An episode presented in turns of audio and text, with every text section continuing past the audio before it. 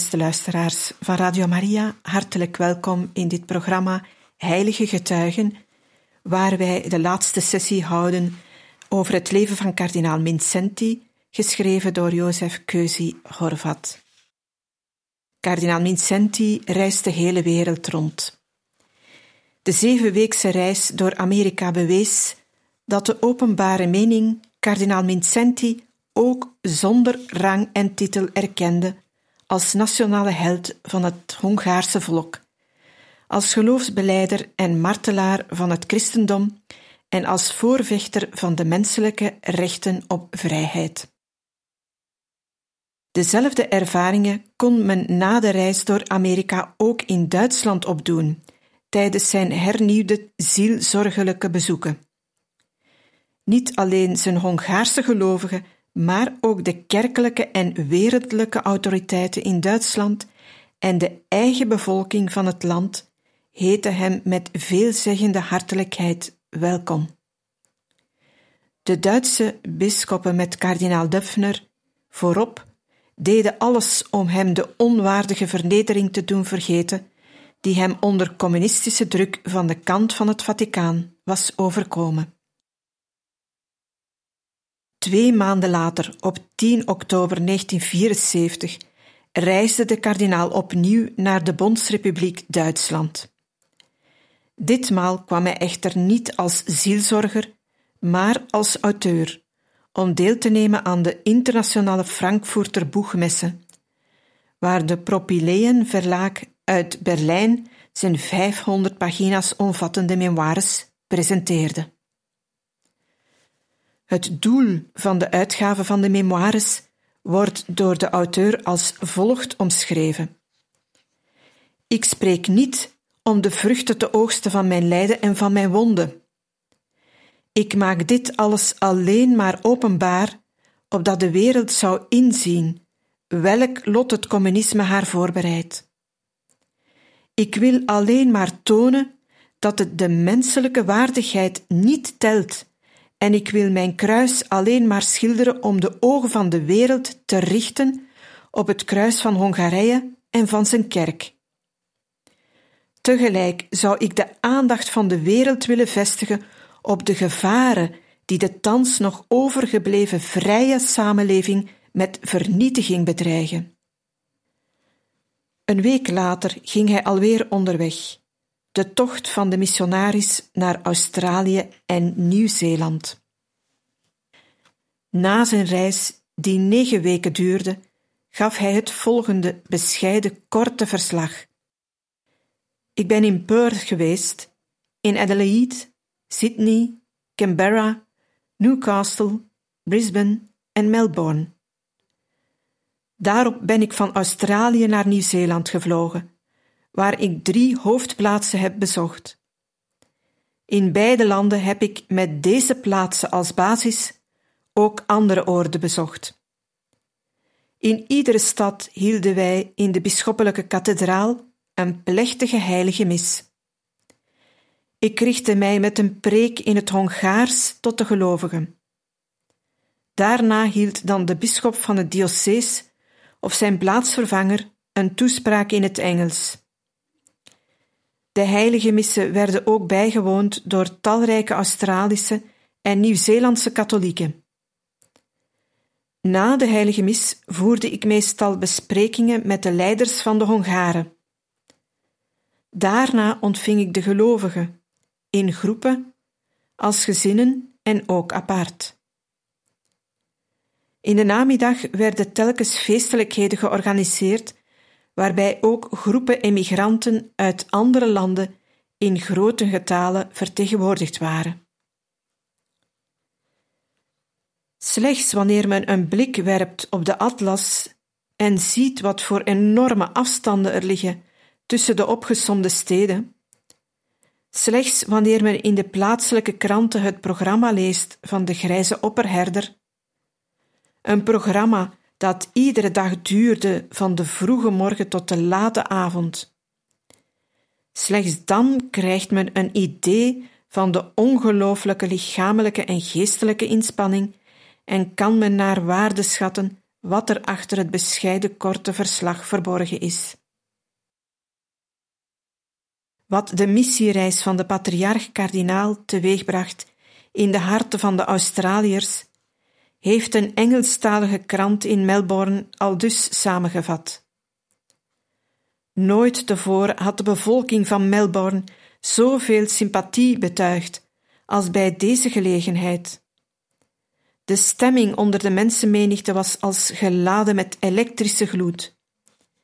Geen oog bleef droog onder de toespraak van aartsbisschop Liddell, toen hij het leven van de kardinaal afschilderde en eer bewees. Het zevenduizendkoppige publiek dat zich in de festivalhal had verzameld, juichte de verbannen kardinaal stormachtig toe. De mensen voelden dat hij door zijn tegenwoordigheid hun eer bewees en bij zijn grootheid voelden zij zich nederig. Van zijn reis in het Verre Oosten, die ook negen weken duurde, keerde de missiekardinaal via Hawaii, San Francisco en New York op kerstavond 1974 fris en opgewekt terug. De eerste drie maanden van het jaar 1975 brachten koortsachtige arbeid voor hem mee. Behalve dat hij de vele post afwerkte die zich tijdens zijn lange afwezigheid had opgestapeld, bereidde hij reeds zijn volgende zielzorgreis voor. Venezuela, Colombia, de Scandinavische landen en Frankrijk stonden op het zorgvuldig voorbereid programma. Te midden van het vele werk zou hij misschien niet eens gemerkt hebben dat hij op 29 maart 1975 83 jaar oud werd, als niet de mondelinge of schriftelijke gelukwensen hem erop attent hadden gemaakt. De kardinaal kwam op 9 april in Caracas in Venezuela aan. Op het vliegveld ontving hem het voltallig episcopaat en verschillende leden van de regering, als ook een enorme geestdriftige mensenmenigte. Behalve Hongaren waren daaronder ook Polen, Litouwers, Oekraïners en vele, vele Venezolanen. De landsbevolking gaf als reden voor haar verschijnen op dat Vincenti niet alleen de Hongaren toebehoorde, maar ook hun, en behalve dat de hele wereld, omdat hij voor ons allemaal moed, menselijkheid, vrijheid en geloof betekent. De belangrijkste gebeurtenis van het bezoek in Venezuela, dat twaalf dagen duurde, was de hoogmis die de kardinaal in de kathedraal kon celebreerde met honderd priesters, waaronder verschillende bisschoppen. De kathedraal kon de mensenmenigte die opdrong om de plechtigheid bij te wonen, niet bevatten. Duizenden moesten blijven staan op het plein voor de kerk. De televisie verzorgde anderhalf uur lang een directe uitzending van de heilige mis, de Hongaarse preek van de kardinaal en de vertaling daarvan in het Spaans. Een Hongaarse vrouw vatte de apostolische zending van de kardinaal met deze woorden samen. Wat Vincenti hier in Caracas bereikt heeft, grenst aan het onwaarschijnlijke. Wij waren ongelovig. Hij leerde ons geloven. Wij waren zwak. Hij gaf ons kracht.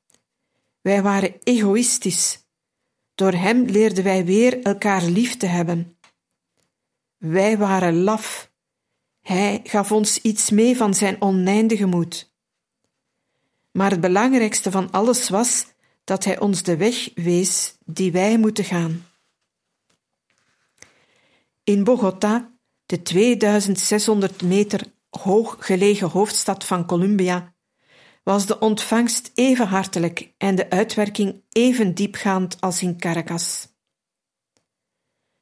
Volgens de berichten van zijn priesterlijke begeleider, die vroeger zijn kapelaan was, was de kardinaal in de drie jaar dat zijn ballingschap nu duurde, lichamelijk en geestelijk nog nooit zo goed geweest als bij deze reis naar Zuid-Amerika. Hij merkte niets van de hoogte, noch van de hitte, noch van de inspanning. Hij sliep en at beter dan thuis in Wenen. Zijn stem klonk in de grote Zuid-Amerikaanse kathedralen krachtiger dan ooit tevoren. En toen hij zijn Hongaarse gelovigen ontving, ondervroeg en troostte, was zijn stem nog nooit zo liefdevol, zo vaderlijk geweest als bij deze laatste reis. Hij leefde zogezegd heel de tijd in extase. Hij stootte met zijn voet tegen de scherpe kant van een marmeren trap, zodat het begon te bloeden, maar hij merkte dat pas in de avond en wist toen niet hoe hij aan die verwonding kwam. Deze verbazingwekkende lichamelijke en geestelijke frisheid van de kardinaal, die de drempel van zijn 84ste levensjaar had overschreden, was voor de aartsbisschop van Bogota aanleiding om bij het afscheid op het vliegveld op 26 april 1975 tegen hem te zeggen: Blijf altijd zo jong. En daarop kwam het antwoord, ontleend aan een oud studentenlied: Gaudeamus igitur, juvenes dum sumus. Laten wij ons verheugen zolang wij jong zijn.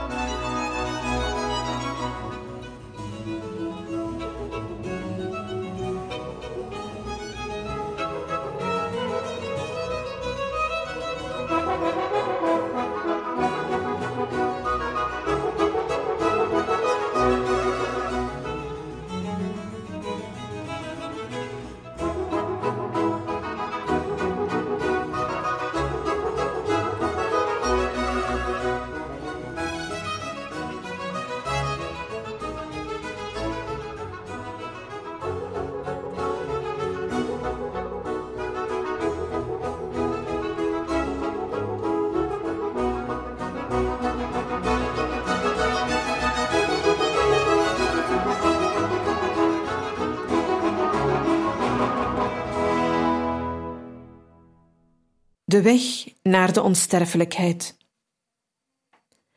Op de laatste dag van zijn verblijf in Columbia werd de kardinaal hees en toonde tekenen van een verkoudheid.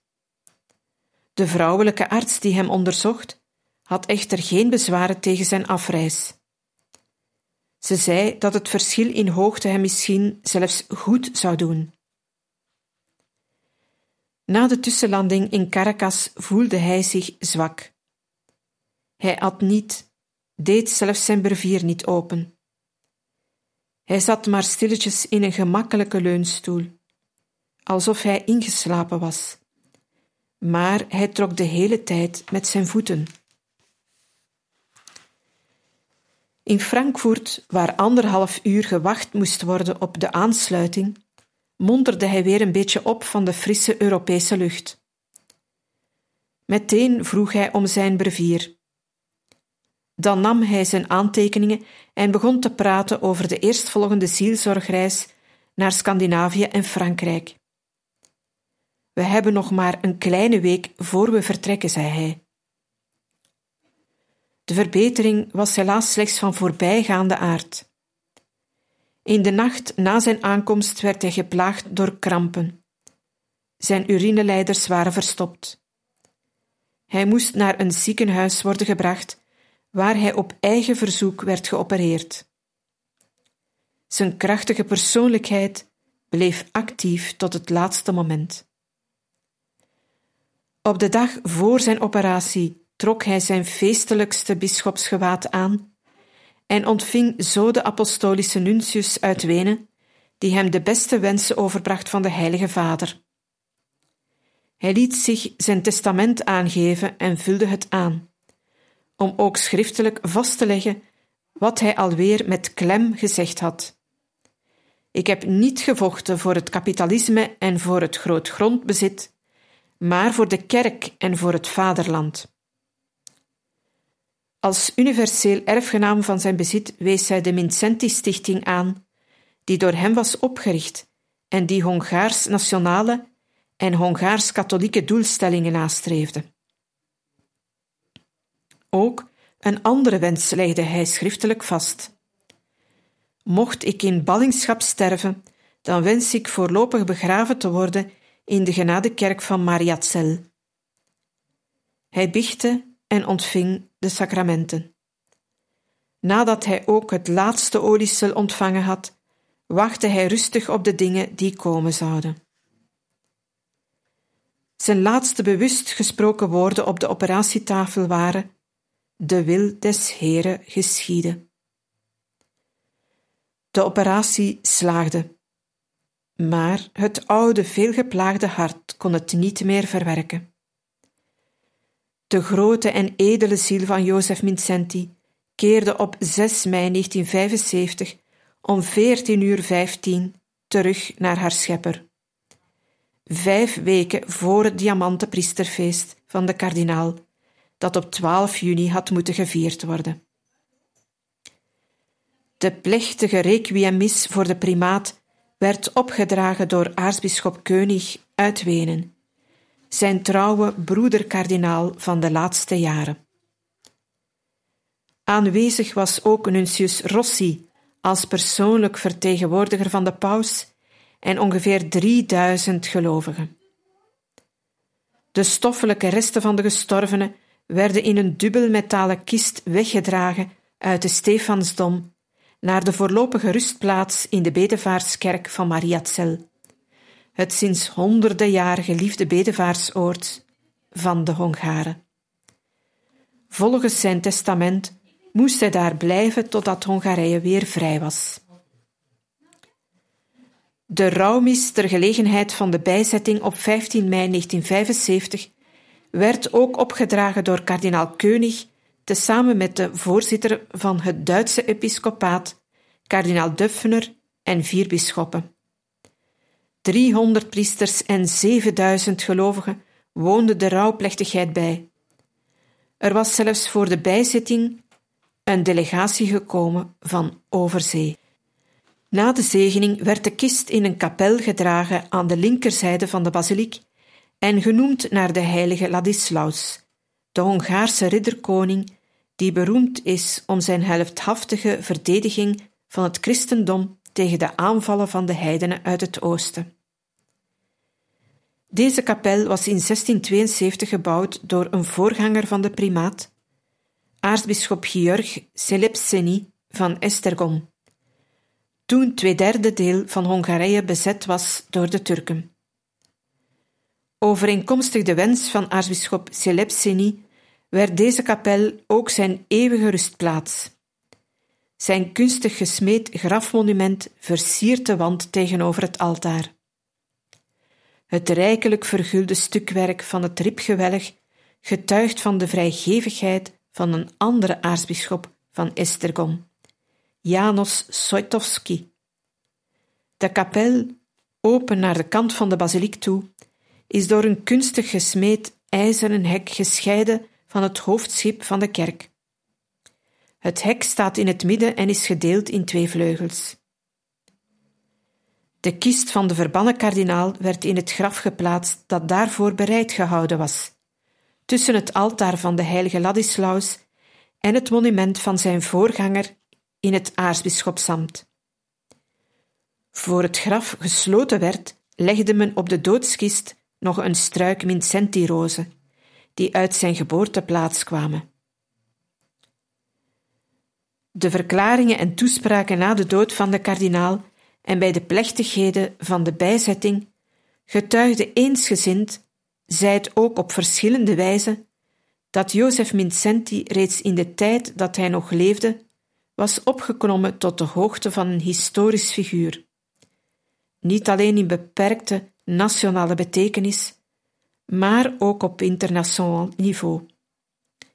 Hij was tot een universele historische figuur uitgegroeid en zijn herinnering aan zijn voorbeeld zouden over het graf heen aan beide kanten van het ijzeren gordijn voortleven en vruchtbaar zijn. Paus Paulus VI noemde hem een fakkel die met zijn stralend licht de laatste decennia van de kerk had verlicht. Naar de mening van de curie-kardinaal Traglia was Jozef Mincenti een voorbeeld van consequentie en christelijke standvastigheid. De kerk heeft zulke voorbeelden nodig, nu nog veel meer dan in andere tijden. Volgens Gerald Ford, de president van de Verenigde Staten, bezat Vincenti die vastberadenheid die altijd en overal de tirannie weerstaat.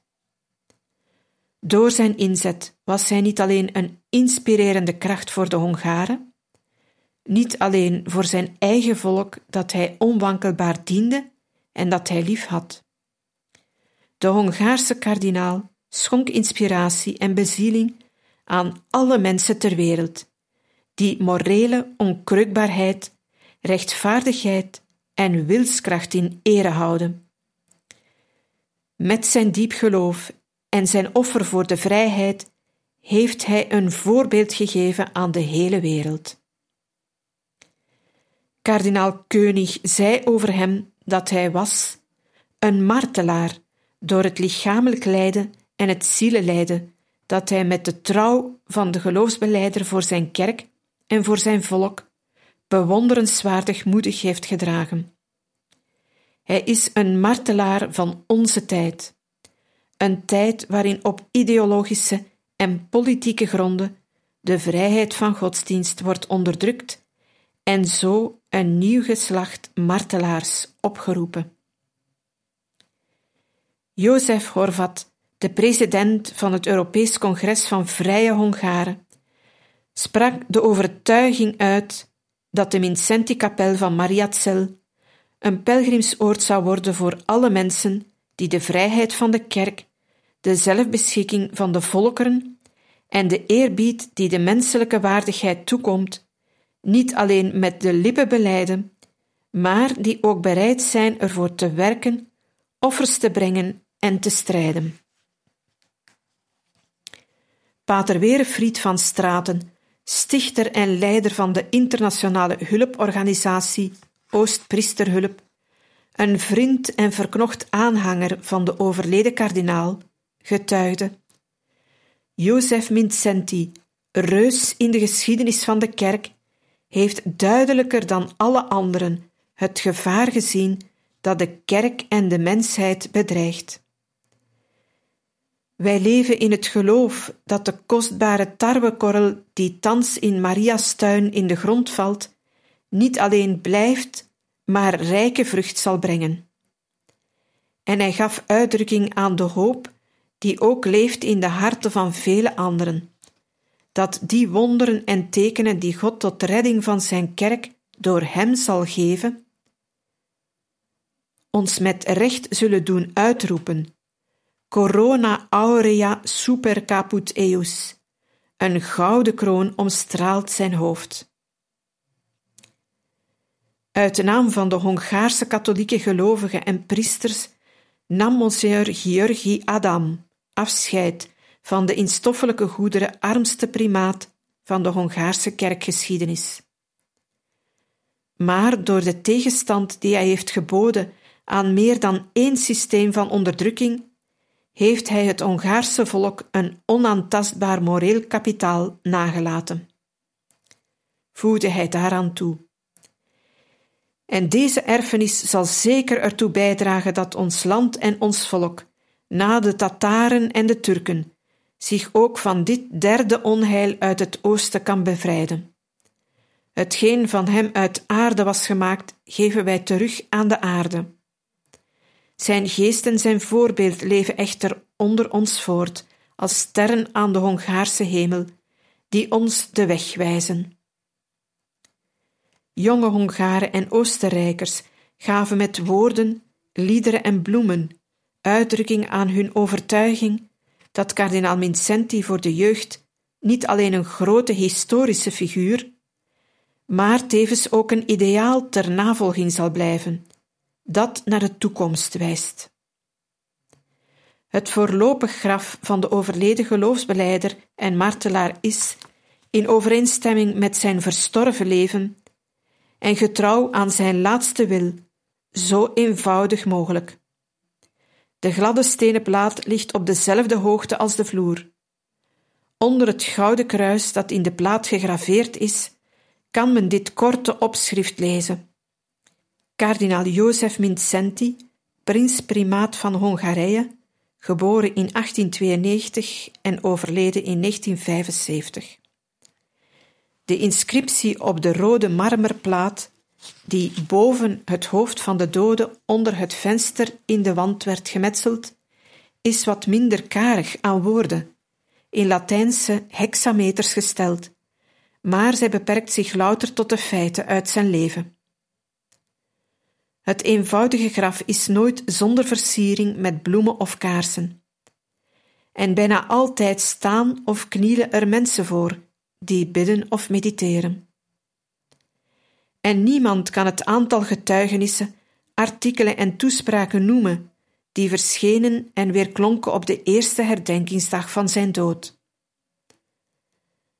Altijd heb ik deze dappere beleider en zijn heldhaftige standvastigheid bewonderd, schreef kardinaal Marty, aartsbisschop van Parijs, in de boodschap die hij op de eerste herdenking van de sterfdag van de primaat richtte tot de gelovigen die de bedevaart naar Mariazell hadden gemaakt. In oktober 1971 hebben wij elkaar in Rome ontmoet. Het gesprek met hem zal ik nooit vergeten.